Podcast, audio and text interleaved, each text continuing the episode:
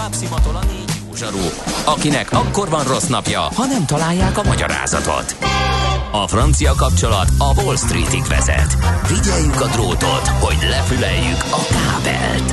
Folytatódik a millás reggeli, a 90.9 Jazzy Rádió gazdasági mapetsója. A pénznek nincs szaga. Mi mégis szimatot fogtunk. A műsor támogatója a T-Systems Magyarország ZRT, a nagyvállalatok digitális szolgáltatója. Jó reggelt kívánunk, ezt továbbra is a Millás reggel itt a 90.9 Jazzy Rádióban Mihálovics Andrással. És Kántor Endrével. És a kedves hallgatókkal 0630 20 10 909, ők azok, akik írnak nekünk több mindenben is. Ezeket természetesen el fogjuk mondani, de most a, az a rovat következik, amit felkonferáltunk az imént. Nem tudod, mi az üsző? Még sosem forgatta a látszatolót? Fogalmat sincs, milyen magas a dránka? Mihálovics gazda segít? Mihálovics gazda, a millás reggeli mezőgazdasági és élelmiszeripari magazinja azoknak, akik tudni szeretnék, hogy kerül a tönköly az asztalra. Mert a tehén nem szálmazsák, hogy megtömjük, ugye? A rovat támogatója a Takarékbank.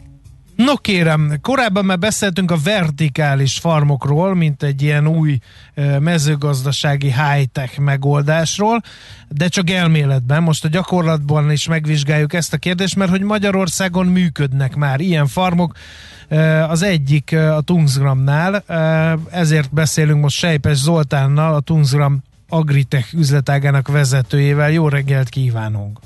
Jó reggelt kívánok! Először is hozzuk közel a laikusokhoz ezt a vertikális farm kifejezést. Ha belépünk egy ilyen vertikális farmra, mit látunk? nagyon sok lámpát, nagyon sok növényt.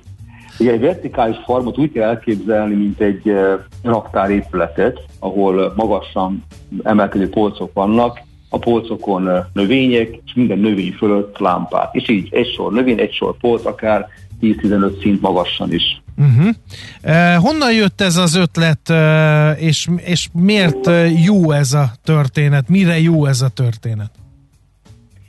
A, maga a vertikális farm ötlete onnan jött, hogy elkezdtünk a beltéri növényvilágítással foglalkozni, és ennek a egyik alfaja ugye a vertikális farmvilágítás is.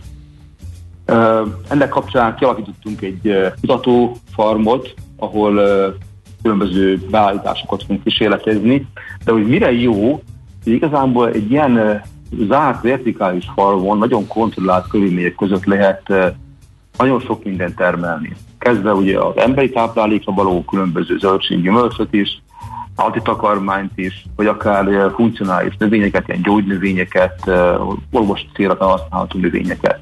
Uh-huh. És ami előnye ezeknek a farmoknak, hogy nagyon kontrollált körülmények miatt egy nagyon kiszámítható eredményt kap a termelő, úgy minőségben, mint mennyiségben is, és ugyanakkor az egész, tehát ugye egész, az egész évben, 365 napban tudja produkálni.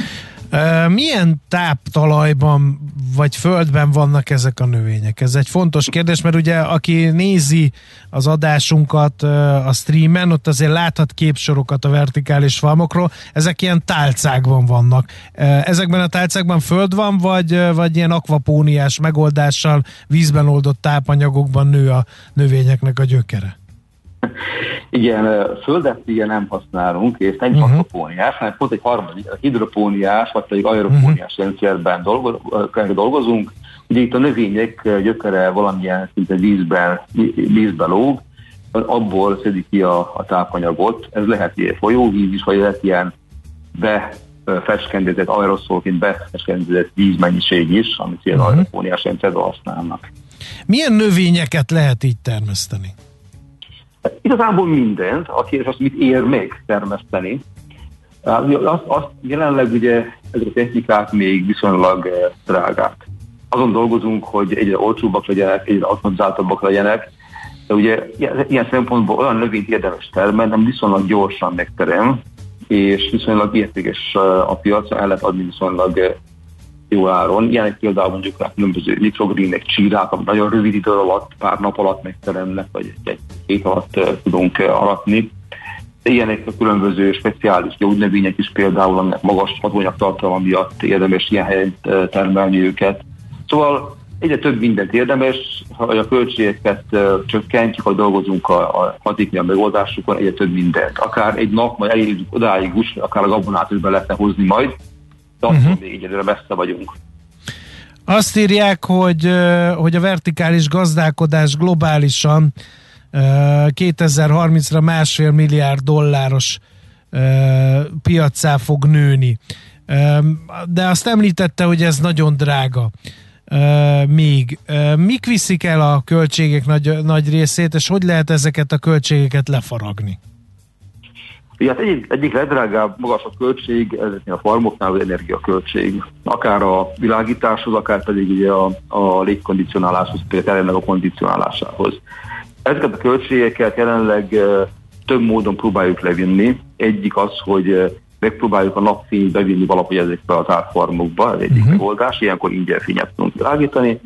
A másik pedig ugye napelemekkel, vagy olyan, olyan megújuló energiaforrásokból szerezve az energiát, akár szélerőművekkel is, ugye, ahol helyben tudjuk előállítani viszonylag olcsón az energiát. Ilyen szempontból például ezek a rendszerek rendkívül alkalmasak a mostra körülmények között termesztésre, például egy közel-keleti régióban, ahol rengeteg nap van, ugye bőség vagy a nap, napban, hogy ingyen állítják a napelemekkel az energiát, ugyanakkor nagyon kevés víz van, és egy ilyen vertikális formban azt tudni kell, hogy a szabadtéri termesztéshez képest durván 95-98%-a kevesebb vízzel lehet termelni, mint a szabadtérben. Ugye nincs elpárolgás, nincs elfolyás, az összes vizet, amit a farmon kiadunk, és a nem használható növények, azt visszaforgatjuk. Legyen az az öntöző víz, vagy pedig magá, önmagában legalább is kicsapatjuk vizet, és visszaadjuk öntöző vízbe. Uh-huh.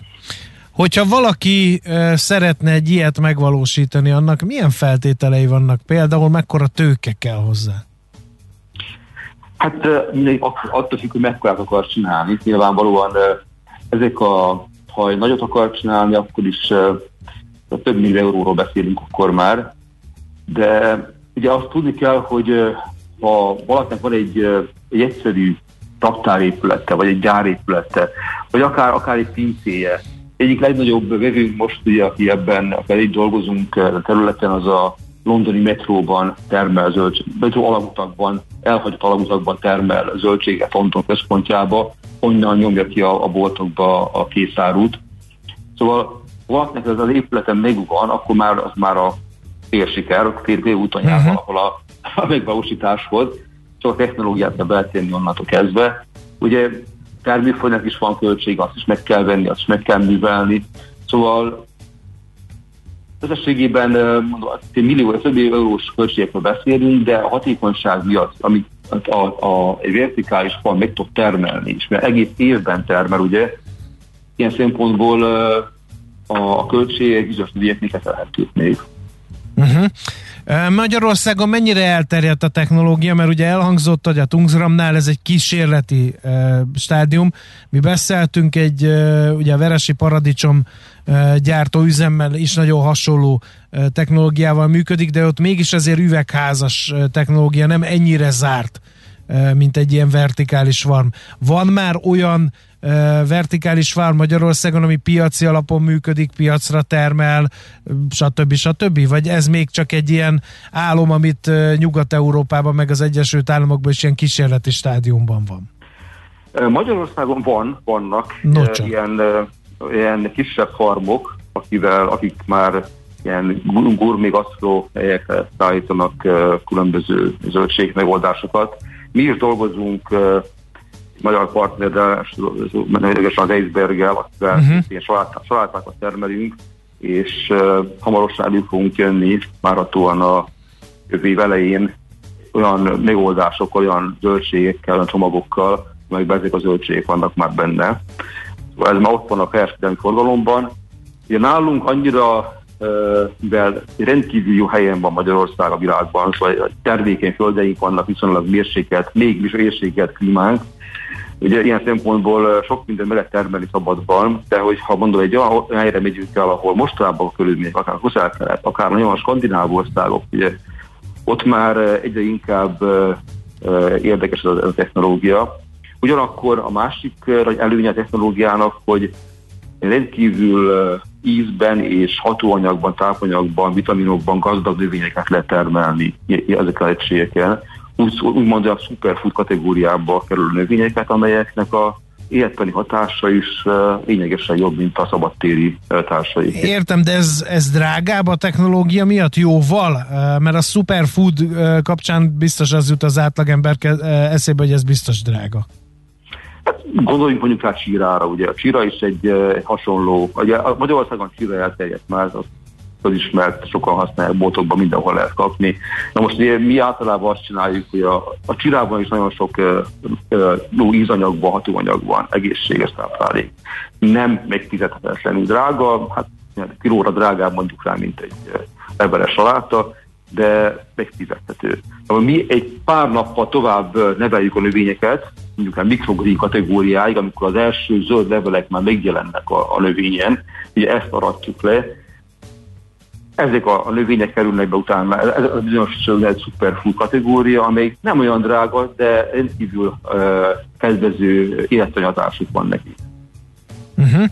Uh, és ugye még általában ilyen dísznövényeket, gyógynövényeket, salátaféléket, csírákat lehet így nevelni, de ez oda fejlődhet, hogy akár kenyérgabonát is, mert ugye ez a nagy kérdés a termőföldek fogyásával, hogy lesz-e elég föld ahhoz, hogy elégendő élelmiszer termeljünk a növekvő emberiség számára. Tehát ez a technológia, beszéljünk egy kicsit a jövőre, meddig rúghatja ki magát?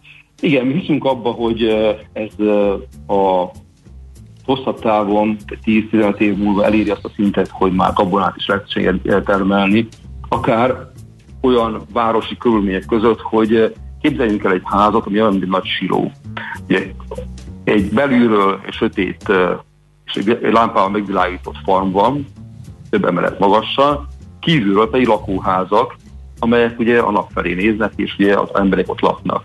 Ha ezekbe a területekbe be tudjuk hozni ugye a növényeket, Nyilvánvalóan nem arra buzára kell gondolni, ami most a szabadföldön, vagy kukoricára, a szabadföldön terem, ugye arra két méter magas növényre, hanem általában olyan növényeket kellene nemesíteni, és azért ez egy hosszabb távú megoldás, amely csak a szára csak tisztelti mondjuk rá, és ugyanaz a kalász van rajta, mint ugye a mostani buzán, mert így sokkal kompaktabb helyen elférnek, kisebb polszközökkel lehet termelni őket, és gazdaságosabban lehet használni a beltéri körülményeket. Uh-huh. Ez még nincs itt, a jövőben itt lehet. De ami más nagy előnye ezeknek a beltéri technológiáknak, hogy össze lehet kötni őket egy ilyen körforgásos termelésbe is, mert a, a maga a, a farm az megtermeli a élelmiszert mondjuk le. De a élelmiszer termelés mellett keletkezik bizonyos mennyiségű szerves hulladék is. Lehet gyökerek, szárak, levelek, attól függ, hogy most ilyen növényt termesztünk. Ugye ezeket a, ezt a szerves hulladékot el lehet odaadni a rovaroknak. Ezen, is dolgozunk most különben, ezekben a, a ilyen beltéri elmerő egységeinkben. És akkor utána meg ugye a rovarevés már engedélyezett uniós szinten, és akkor így érne össze a dolog? Vagy hát, ez, ez most nagyon hajmeresztő elképzelés? Nagyon, nagyon távlati dolog, ugye vannak olyan kultúrák, főleg Ázsiában, ahol a rovarok bizonyos fajtáit, összkétűsöket eszik. Nem erre gondoltunk, hanem pontosan azt, hogy a rovarok a természetes táplálékai, különböző kukacok, mondjuk rá lárvák, az állatoknak, baromfinak például, teljesen természetes táplálék, a halaknak szintén. Ugye a halakat etetve ezzel a bizonyos uh, uh, rovar termékkel, akár, akár alanatúr, ugye a maga rovar, mint lárvát tud adni a halaknak, baromfinak megeszik, vagy pedig ha tárolni, szállítani kell, akkor ezt lehet valamilyen módon előkészíteni, akár ilyen rovarfehérje formában, uh-huh. és ez kerül be az áttakarmányba, és akkor itt kerülünk a halaknál, ugye vissza ahhoz a, a technológiához, amivel ön is kezdte az elején, akvapóniás rendszer, ugye, akvapóniás rendszerben ugye a, a halak megeszik a rovarokat, közben ugye a trágyát vagy a szürüléket kielengedik a vízbe, ezzel a vízzel lehet öntözni növényeket, és be is zárult a kör. Uh-huh. Jó, hát ez a jövő. Én nagyon szépen köszönöm, hogy fellebbentette ezt a fájtlat. Már csak egy záró kérdésem van, finomak ezek a vertikális farmon termett nagy, eh, nagyon jó vitamin és ásványi anyag tartalmú növények, vagy csak jó a beltartalmuk, és nem annyira finomak, mint a napsütötte szabadföldön termesztett növények? Hát én erről sokat tudnék beszélni, de igazából minden szónál többet érne egy postolás. Úgyhogy eh, ha valakit érdekel, akkor eh, a Váci úti telephelyünkön akár meg tudunk szervezni egy postolást is, de igen, azt kell mondjam, hogy igen. Olyan jó földi epret még nem értem, amit, uh, amit a saját vertikális farmunkon tudunk termelni. De ugyanez igaz a mikrozöldekre is. Egy mikrozöldnek annyira intenzív reteknek, mikrozöld reteknek annyira intenzív retekíze van, hogy zamatosabb jobb, mint maga a, a retegi kumója. No, hát akkor drukkolunk, hogy elterjedjen ez a technológia, mert azért ízben nem mindig állunk jól a boltok polcain található zöldségek, gyümölcsök tekintetében. Nagyon szépen köszönjük a beszélgetést, nagyon tanulságos volt. Szívesen, viszont Minden jót viszont hallásra. Sejpes Zoltánnal a Tunzgram Agritech üzletágának vezetőjével beszélgettünk, körbejártuk, hogy mik is azok a vertikális farmok. Mihálovics gazda most felpattant egy kultivátorra, utána néz a kocaforgónak, de a jövő héten megint segít tapintással meghatározni, hány mikron a gyapjú. Hoci a pipát meg a bőrcsizmát. Most már aztán gazdálkodjunk a rézangyala. A rovat támogatója a Takarékbank. A szerencse fia vagy? Esetleg a szerencse lánya? Hogy kiderüljön, másra nincs szükséged, mint a helyes válaszra. Játék következik. Minden nap kisorsolunk kettő darab páros belépőt, vagy a magyar-olasz, vagy a magyar-ukrán meccsre, valamint egy-egy dedikált magyar válogatott mezt a, Magyar Jégkorong Szövetség jó. Ezen kívül a héten helyes megfejtés beküldők között pénteken e, tartunk egy sorsolást, ahol a főnyeremény kettő darab VIP Hospitality jegy a Magyarország-Ukrajna mérkőzést. A mai kérdésünk így hangzik, mikor választotta be a Nemzeti Jégkorong Szövetség a tragikusan korán elhunyt ifjú Ocskai Gábort a hírességek csarnokába. A. 2013-ban, B. 2016-ban, vagy C. 2019-ben? A helyes megfejtéseket ma délután 16 óráig várjuk a játékkukac jazzy.hu e-mail címre. Kedvezzem ma neked a szerencse! Műsorunkban termék megjelenítést hallhattak. Következő műsorunkban termék megjelenítést hallhatnak. Kősdei és pénzügyi hírek a 90.9 Jazzin az Equilor befektetési ZRT szakértőjétől. Equilor, 30 éve a befektetések szakértője. Volt Richter gyors jelentés, hogy nyitott a papír? Szerintem ez a fő kérdése a mai délelőttnek, aki erre a kérdésre felel, az pedig Török Lajos vezető elemző. Szervusz, jó reggelt! Sziasztok, jó reggelt! Hát akkor, hogy vágjunk is bele a közepébe, a Richter nagyon jó gyors jelentést tett közzé, azonban egy pici mínuszban a papír 8750 uh-huh. forinton kereskedik, ez 0,2%-os csökkenés. A forgalom azon viszonylag magas 411 millió forintos volt a Richter papírjába, de nem látszik azt, hogy ezt a nagyon jó gyors jelentést tényleg emelkedés követni. Ugye a Molnál hasonlót láttunk pénteken ott is, illetve az OTP-nél is egyébként, tehát mind a kettő jó számokat jelentett, azonban mínuszban a papír, és most is folytatódik az eladási hullám egyébként. A MOL majdnem 1%-os mínuszban, az OTP pedig fél százalékot csökkent eddig. Uh-huh. E, nemzetközi hangulat milyen egyébként? Hát olyan semmilyen, hogy őszinte legyek, minimális mínuszban vannak az európai tőzsdek és az amerikai uh, indexek is egy pici, ugye a futures kereskedés alapján egy minimális mínuszban vannak. Uh-huh. Ilyen 0,1-0,2 százalékos mínuszokról kell, hogy beszámoljak, tehát nincs igazi irány. Mindenki hogy az amerikai inflációs adatot várja délután, azért nyilván az egy meghatározó lehet. Egyébként itthon még annyit emlék, hogy a Waberers is jelentett ugye pénteken zárás után, ott is eh, nagyon jó számokat jelentettek, és az is egy pici mínuszban van most így a reggeli kereskedésben. Úgyhogy úgy tűnik, hogy most Budapest egy picit alul teljesíti a, a nemzetközi tőzsdéket, uh-huh. összességében a Box Index fél százalékot csökkent. No, lássuk a devizapiacot, ott hol tart a forint? Hát itt sincsenek túl jó híreim egyébként, mert Na. ugye 359 forintot végre sikerült áttörni pozitív irányba ugye péntek folyamán, most ismét azonban fölötte vagyunk, 359 forintot és 57 fillért kell adni egy euróért, tehát ismét a 360 felé száguldunk, hogy úgy fogalmazzak. Egy dollárért pedig 310 forintot és 78 fillért kell adni. Az euró-dollár árfolyamában egyébként nem volt túl nagy változást, egy dollárt és 15,7 centet kell adni egy euróért. Amit még megjegyeznék, hogy az Ethereum, ugye az kriptovaluta mindenkori csúcsán van, most mm. már 4700 dollárt is átlépte, úgy itt úgy tűnik, hogy itt ezen viszont nincs fék. Oké, okay, nagyon szépen köszönjük az összefoglalót, jó kereskedést! Köszönöm, szervusz! Szervusz, szia! Török Lajos vezetőelemzővel nyitottunk tőzsdét. Tőzsdei és pénzügyi híreket hallottak a 90.9 jazz az Equilor befektetési ZRT szakértőjétől. Equilor, 30 éve a befektetések szakértője. Volt már olyan érzésed, hogy megtaláltad a választ? Aha, aha, aha. Heuréka élmény. Jövő kutatás a millás reggeliben. Csak jövő időben beszélünk. És folytatjuk a gazdának való illeszkedő témát, mesterséges intelligencia az állattenyésztésben, akivel ezt kibontjuk. Itt van velünk Kis Gergely, az Attracto ZRT vezérigazgatója. Jó reggelt, szia! Jó reggelt, sziasztok! No, hát mit keres a mesterséges intelligencia az állattenyésztésben? Ezt így első pillantásra talán furcsának tűnhet. Mit lehet ezzel a technológiával felpörgetni, hiszen egy élő szervezetről van szó, amivel nem lehet kommunikálni, bár a minap olvastam, és Kántor Endre majdnem leesett a széktől a röhögéstől, mi szerint, hát lehet, hogy hamarosan beszélgethetünk az ámbrás szetekkel, és ez is mesterséges intelligencia kell. Lehet, hogy a tehenekkel is beszélgetni fogunk? Hát igen, lehet. Bár... Én ezt viccből kérdeztem. Nem sikerült. De annyira nem vicces, vagy illetve nem tudom, ennek ilyen izgalmas alkérdései vannak, ugye, hogy kommunikálni, az lehet, hogy tudunk, csak nem biztos, hogy tudjuk, hogy az mi. Na, mindegy, ebben nem igen. vele, mert ez ilyen nagyon mély. Tehát azt kérdezett, hogy, hogy mit keres a mesterséges intelligencia az állattenyésztésben, szerintem ugyanazt keresi, mint minden más iparágban a hatékonyságot hatékonyságot keresi.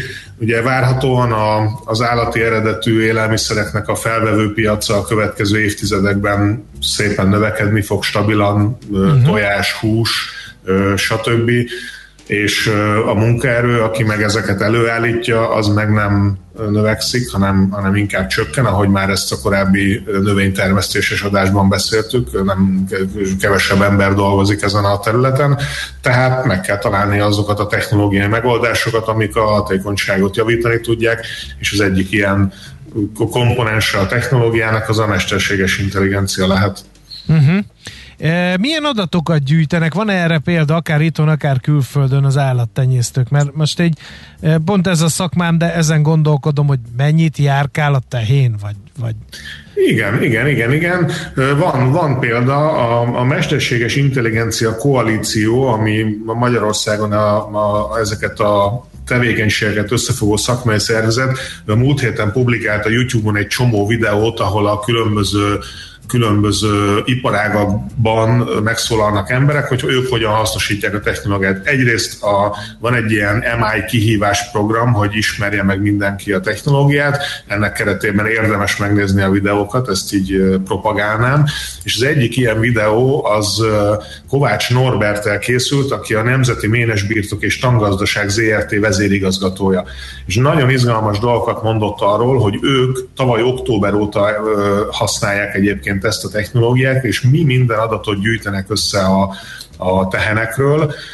Azt mondja, hogy ezer tehén összes élettani és termelési adatát rögzítik, amit olyan szinten, olyan mélységben kell érteni, hogy ami az előbb említetted, ugye a lépésszámokat, testhőmérsékletet, kérődzési időt, tejtermeléshez kapcsolódó minden adatot annyira, hogy tejtermelést azt tőgy negyedenként vizsgálják, Bizony. mind minőség, mind mennyiség tekintetében és ezzel a, a hatalmas mennyiségű adattal úgy fogalmazott, ez nekem tetszett, hogy sokkal többet tudnak a tehenek egészségügyi állapotáról, mint a saját a, az emberek. Na most már az, hogy ennyi, ekkora mennyiségű adatot gyűjtünk, és nyilvánvalóan elemzik is, és használják arra, hogy például nem tudom, beteg állatokat kiszűrni, vagy, vagy a, nem tudom, a táplálékot úgy megváltoztatni, hogy az pozitív hatással legyen a termékeknek a minőségére és mennyiségére, de még még szerintem még nagyon hosszú és mély út áll előttünk, hogy ezt a rengeteg mennyiségű adatot még inkább hasznosítsuk. Tehát ugye a kulcs az adat. Ha ezt most elkezdték nagy frekvenciával mérni és rögzíteni, akkor a következő években ez egy szuper táptalaj lehet ahhoz, hogy, hogy még, még jobban űzzük ezt a szakmát. Igen, de nagyon, nagyon sok adatot gyűjtünk, és igazából szerintem 2022-nek az lesz a kérdése, meg a következő éveknek, hogy mi az a hasznos adat. Tehát ugye itt nem csak arról van szó, hogy milyen eszközökkel tudjuk hasznossá tenni az adatot, hanem az, hogy amit begyűjtöttünk, azt hogyan lehet kiválogatni. Mert így első hallásra gondolom arra céloz az Endre, hát, hogy, hogy ezerféle anyag ugye? vagy adatból mit lehet levonni. De az, hogy, hogy nézzük, hogy tődnegyedenként milyen a term, tejtermelés, az például, ha változik a minőség, abból én arra következtetek, hogy arra lehet következtetni, hogy lehet, hogy kezelést kell alkalmazni, még mielőtt a betegség súlyosabbá válik, mert hogy annak már vannak előjelei, és akkor így, így, van, így van, gyorsan így van. meg lehet fogni a betegséget, és akkor nem, nem kell kivonni a termelésből az állatot például. Így van, így van. Erre a kérdésre, vagy, vagy felvetésre egyébként reagálnék annyiban, hogy én nálam valahogy nem úgy áll össze a történet, hogy mi a hasznos, pontosabban nyilvánvalóan mi a hasznos adat, ez egy nagyon fontos kérdés, és általában egyébként a nyers adat a fontos. De nem szabad ezeknek a rendszereknek származtatott adatokat megadni, mert nekik pont az a feladatuk, hogy ők majd a nyers adatból származtatnak valamit, te ne számolják ki semmit előre. De a, szerintem a, a még ennél is fontosabb kérdés, hogy mi a kérdés. Tehát, igen. Hát nyilván ugye, az, hogy minél... Az, hogy már mi az igen. adat, az, az már egy, egy persze nyilvánvaló, Jó, de hogy mi a kérdés? Igen, mit a, akarunk csinálni, a, javítani? A válaszok alapját uh, képező adatok megvannak, azokból kéne valahogy információt gyártani, és azokból kéne tudást ö, ter, ki, kitermelni, de ugye nem tudjuk, hogy mit kérdezzünk. Oké, okay, értem. Hát tud, tud, tehát én nem vagyok ennek a, tehát én nem vagyok úgy szakértője a, a, a területnek, ahogy a Mihálovics gazda szakértője a területnek, de mondjuk ilyen laikusként felmerül a dolog, hogy mire optimalizáljunk, amikor mondjuk egy tehenészetet, vagy egy sertéstelepet nézünk, és akkor lehet arra optimalizálni, hogy milyen legyen, nem tudom én, a húshozam, lehet arra optimalizálni, hogy a tej milyen legyen, lehet mindezt megtenni egy éves, öt éves, tíz éves távlatban, szerintem tök más, hogy attól függ, hogy hol van az optimalizációnak a szintje, ugye nyilván más, hogy cselekszel, de behoznék egy ilyen provokatívat, hogy ha már beszélgetünk az embercetekkel, meg a tehenekkel,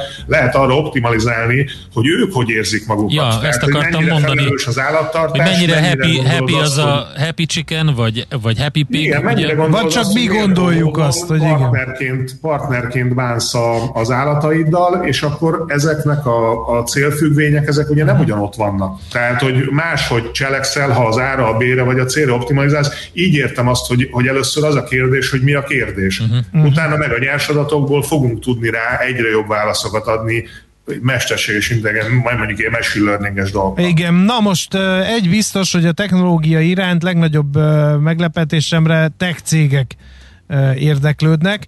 Már pedig ugye a tech cégek és a mezőgazdaság eddig ilyen kicsit a bolygó két pólusán helyezkedtek el, eddig. de most egymásra találnak, és az meg már csak meg nem lepő. Kell valahogy a mátrixba etetni az Igen, embereket. hogy kínai tech cégek érdeklődnek nagyon erősen az állattenyésztésben lelő mesterséges intelligencia. Rögtön itt a két legnagyobb elkereskedelmi platform, a GD.com meg az Alibaba. Igen, és, és a, a kedvencem, hogy a NetEase-nek is van egy sertéstelepe, amelyik ilyen gamer, mobile gaminggel foglalkozik, amúgy legnagyobb mobiljátékokat gyártja, trilliárdos, milliárdos és sertéstelepet nyitottak nemrég. Ugye emögött az van, hogy Kíná, Kínában nagyon sok sertés fogy, eleve sokan vannak, de az egyfőre első sertésfogyasztás is magasabb, mint Magyarországon, úgyhogy, úgyhogy nagyon-nagyon sok sertést tesznek, és behozatalra szorulnak, próbálják ezt, próbálják, próbálnak ezen dolgozni, és valóban az Alibabának most egy egészen komplex ilyen megoldás csomagja került ki a piacra, ahol vannak természetesen ilyen számok, hogy a technológia állomány szinten az egy kocára jutó malacok számát évente akár 32-re növelheti úgy, hogy az, az élveszületések arányát is javítja. Parancsolsz? Hát igen, mert benne van a szignálban a kocaforgó, és ez valahol itt van a kocaforgót. Ez, ro- ez koca revolver most már, nem igen. kocaforgó. Igen, igen, szóval a, a technológia ilyet uh, tud, de ami, ami nagyon megfogja, tud olyat mondjuk, hogy meghallja a köhögést, és akkor el lehet különíteni az állatot, uh, megnézi, ez egy nagyon izgalmas terület, ugye, hogy tudja, e, tehát gyakorlatilag egyenként tud azonosítani összes állatot. És ma reggel jutott eszembe egyébként, hogy... Ezt most is tudják fülkrotáliával, vagy fülben, ilyen fülcsipkézéssel. Hú, Ja. De, de, de ezt úgy, úgy gondolom, hogy, hogy vonul a nem tudom, százezer darab sertés, Aha. és akkor így egyenként mindegyiknek van egy neve, és eszembe jutott, hogy ifjú koromban egyszer egy birkát én is elneveztem Eszternek, ilyen lovagias, lovagias Nem te vagy az első, volt az itt volt, már... Volt, nagybátyám birkákkal foglalkozik. József nevű malac is volt. Eszter úgy, birka. Lehet, úgy, de tehát az, hogy a, a mozgásuk alapján az állatokat egyenként tudják azonosítani, és ugye beszéltünk erről talán egy évvel ezelőtt korábban, hogy Kínában természetesen létezik olyan technológia, hogy hátulról csukjában is felismernek téged az utcán. Mert a mozgás mintád ugyanúgy, ugyanúgy jellemez téged, mint az arcod. Tehát az, hogy te hogy billegsz, az pontosan ugyanúgy egyedileg jellemezed, úgyhogy már nem igen. kell arcfelismerés. Egy új lenyomat, igen. Hátulról csukjában. Ha csak nem a hülye járások minisztériumát próbálod meg utánozni, mert akkor mesterséges intelligencia legyen a talpán, amelyik felismer. Igen, ja, igen. hát izgalmas kérdéseket is egyenként tudják azonosítani, és gondol, gondolhatjátok, hogy ez mekkora hatékonyságot ad a, az állattenyésztőknek a kezében. Nagyon érdekes téma, Nagyon. Gergely. Innen Nagyon. folytatjuk. Köszönjük szépen. Igen. Köszönöm, sziasztok! Köszi, szerbusz! Kis Gergelyel beszélgettünk az Attracto ZRT vezérigazgatójával, mesterséges intelligencia az állattenyésztésben, ez volt a témánk. Keuréka élmény, a millás reggeli jövőben játszódó magazinja. Mindent megtudtok.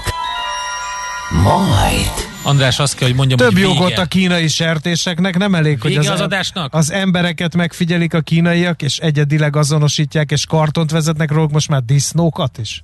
Ha a gazda lapföldön sátorozik februárban, akkor előtte a ruháját kicsinálja neki a lapszabászat? Kérdezi a kedves hallgató. Köszönöm szépen, és azt üzenném mindazoknak, akik szerencsétlen lappok kontójára viccelődtek egész reggel, hogy nem PC, és milyen szégyeljék el magukat, mert a lappok nem lappok, hanem számik. Én azt gondolom, hogy mindenkiben, és most akkor erre mindenkiben lappangott ez, ez a vicc ö, áradat. Mondom, számik, erre tessék szóviccet. Kössétek Értem. fel. 0 Mi most búcsúzunk. Nem infokukacmillásreggeli.hu és a Messenger alkalmazásunk a Facebook oldalunkon itt lehet megtalálni millásreggeli.hu. Köszönjük szépen a figyelmet, utánunk egy csomó zene, lexikon, aztán délután uzsonnakamat, a Millás reggeli egyik ismétlése, este a másik ismétlése.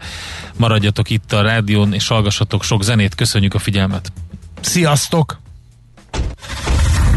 Már a véget ért ugyan a műszak, a szolgálat azonban mindig tart, mert minden lében négy kanál. Holnap reggel újra megtöltjük a kávés bögréket, beleharapunk a fánkba és kinyitjuk az aktákat. Addig is, keressetek minket az arcaktákban, a közösségi oldalunkon. A mai adás podcastjét pedig holnapunkon. Millás reggeli, a 90.9 Jazzy Rádió gazdasági mapetsója. Ha csak egy műsorra van időd idén, tégy róla, hogy ez legyen az. Csak egy dolog lenne még. A műsor támogatója a T-Systems Magyarország ZRT, a nagyvállalatok digitális szolgáltatója. Műsorunkban termék megjelenítést hallhattak. Nézd a Millás reggeli adásait élőben a millásreggeli.hu oldalon. Millás, Millás reggeli, a vizuális rádió műsor.